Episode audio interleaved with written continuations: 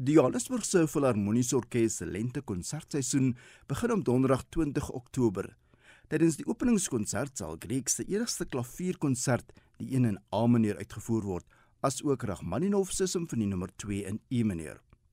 'n Uitvoering van Schumann se klavierkonsert destyds, waar tydens Clara Schumann die solis was, het groot indruk op die jong Noorse komponis Edvard Grieg gemaak. Hy het dadelik aan die werk gespring om sy eie konsert te komponeer en dit in 1868 op die ouderdom van 24 jaar voltooi. Baie kinders het al gewys op die invloed wat Schumann se werk op Grieg se konserto gehad het. Maar hulle is ook eens dat Grieg se liefde vir Noorse volksmusiek en hoe dit in die werk vergestel is, die konserto een van die bakens maak in die klavier Griek het die werk 7 keer aangepas en later het selfs 'n weergawe vir twee klaviere die lig gesien.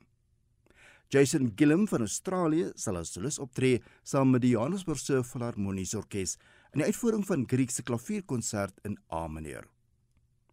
Die tweede werk op die program is Rachmaninov se simfonie nommer 2 in E mineur wat in 1907 voltooi is en vir die eerste keer in die Minsky Theater in Sint Petersburg opgevoer is met die komponis Sergei Rachmaninov self die dirigent.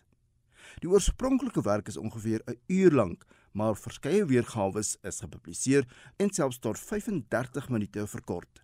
Die werk bestaan uit 4 bewegings.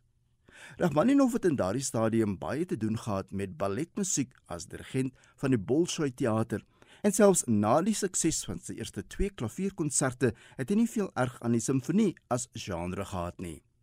Maar tydens die premier en daaropvolgende Glinka toekenning het Rachmaninov sy tevredenheid uitgespreek en houding teenoor die simfonie verander.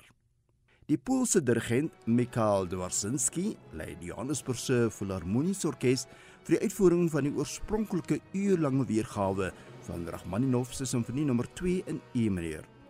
Die konsert vind dan op Donderdag 20 Oktober om 08:30 die aand plaas en wel in die Linder Auditorium. Kaartjies is by Quicket beskikbaar.